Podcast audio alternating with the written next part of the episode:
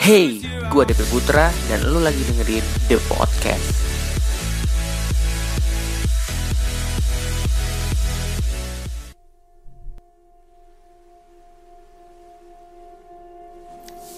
Hello The Podcaster, welcome back di The Podcast episode hari ini uh, Ya, seperti biasa di The Podcast kali ini gue pengen ngajak kalian ngobrol dan sharing tentang beberapa hal Ya, hari ini gue sih pengen ngajak kalian lebih ke arah apa ya Ya udah dengerin aja deh um, Gue pengen nanya sama kalian Siapa sih yang gak pengen uh, buat orang lain tuh seneng gitu Jadi pasti setiap orang itu rela melakukan banyak hal untuk membuat orang lain itu jadi senang gitu loh.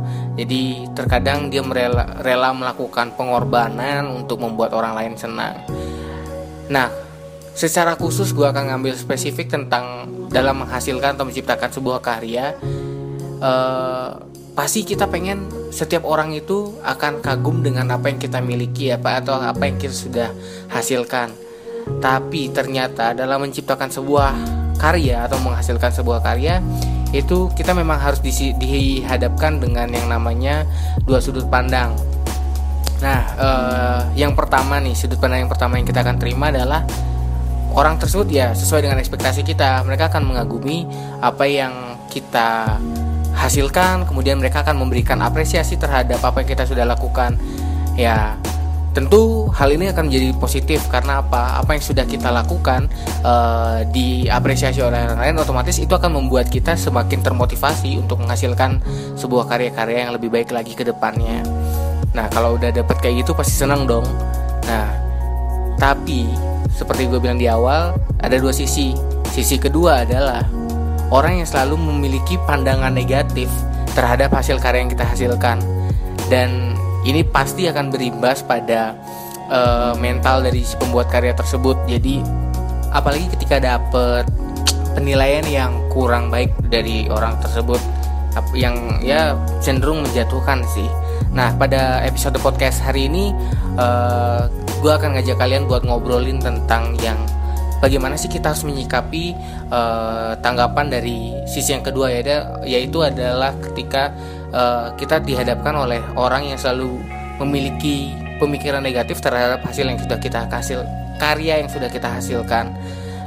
Emang nyebelin sih kadang-kadang kalau udah uh, kita sudah capek-capek buat karya dan lain sebagainya dan kita itu dapat semacam kritikan. Oke, okay, kritikan it's okay. Uh, kalau misalnya kritikan itu membangun, tapi di sisi kedua ini uh, kita cenderung mendapatkan uh, kritikan yang cenderung itu membuat tidak membangun lah. Jadi e, terkesan untuk menjatuhkan mental dari si pembuat karya.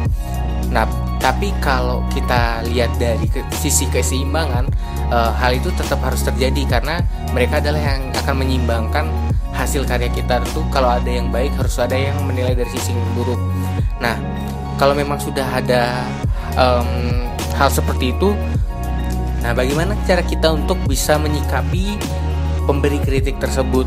Nah, di sini pada episode kali ini gue bakal ngajak kalian, uh, eh, gue akan ya ngasih semacam tips ya, kembali lagi tips. Uh, eh, gue mencatat ada tiga tips yang setidaknya kita bisa lakukan ketika kita menerima sebuah uh, kritikan yang cenderung menjatuhkan, tapi tidak memberikan effort yang baik untuk kita.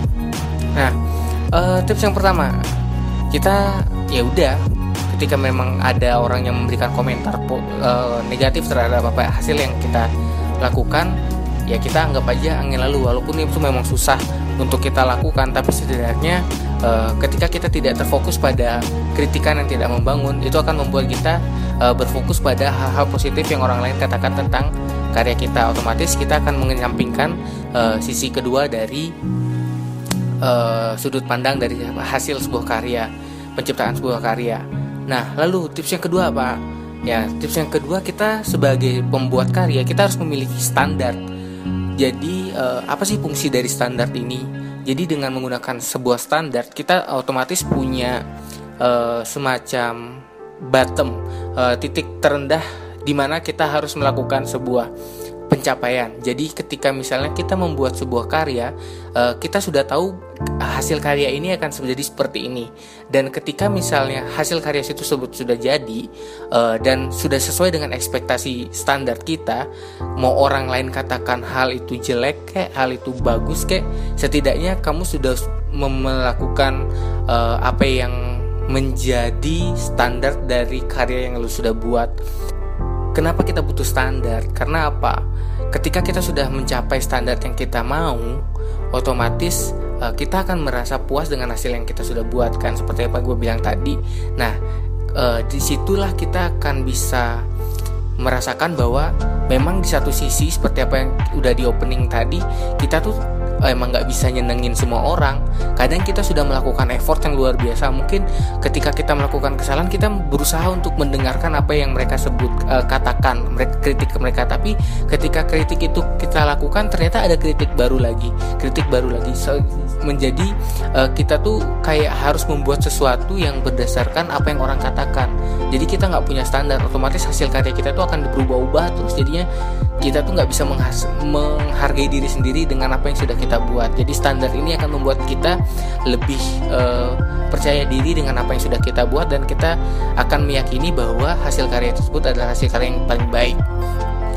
Nah, yang paling penting nih, yang ketiga, ketika kita sudah mendapatkan mungkin terima komentar yang gak bagus dari orang lain, yang paling penting adalah uh, jangan pernah berhenti untuk berkarya Kenapa? Ya kalau kita berhenti berkarya, orang orang yang berdiri pada posisi untuk uh, menjerumuskan kita atau memberikan sisi negatif kepada kita, mereka nggak punya kerjaan guys. Kasihan dong. Jadinya mereka udah bingung gitu loh. Jadi misalnya lu buat karya, terus di ada aja salahnya, ada aja salahnya. Ketika lu berhenti berkarya kan dia nggak punya kerjaan lagi. Jadinya mendingan lu tetap berkarya sehingga mereka tetap punya kerjaan gitu. Kalau mereka melakukan hal yang sama mereka memberikan komen negatif ya udah kembali lagi ke uh, tips pertama anggap aja mereka angin lalu. Oke? Okay?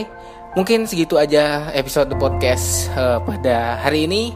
Uh, seperti biasa jangan lupa like comment dan subscribe channel DP Putra di YouTube. Kemudian ada uh, di SoundCloud ada The Podcast di app uh, podcast juga ada the podcast uh, di Twitter juga ada at the podcast underscore. Buat teman-teman yang pengen request tema silahkan komen di setiap uh, sosial media kita. Terserah kalian mau komen di mana atau mungkin kalian juga mau join komen eh, ngobrol di the podcast. Uh, gue tunggu nanti kapan kita bisa join bareng-bareng untuk ngobrol di the podcast. Oke guys mungkin segitu aja untuk malam hari ini. Sampai ketemu di podcast episode selanjutnya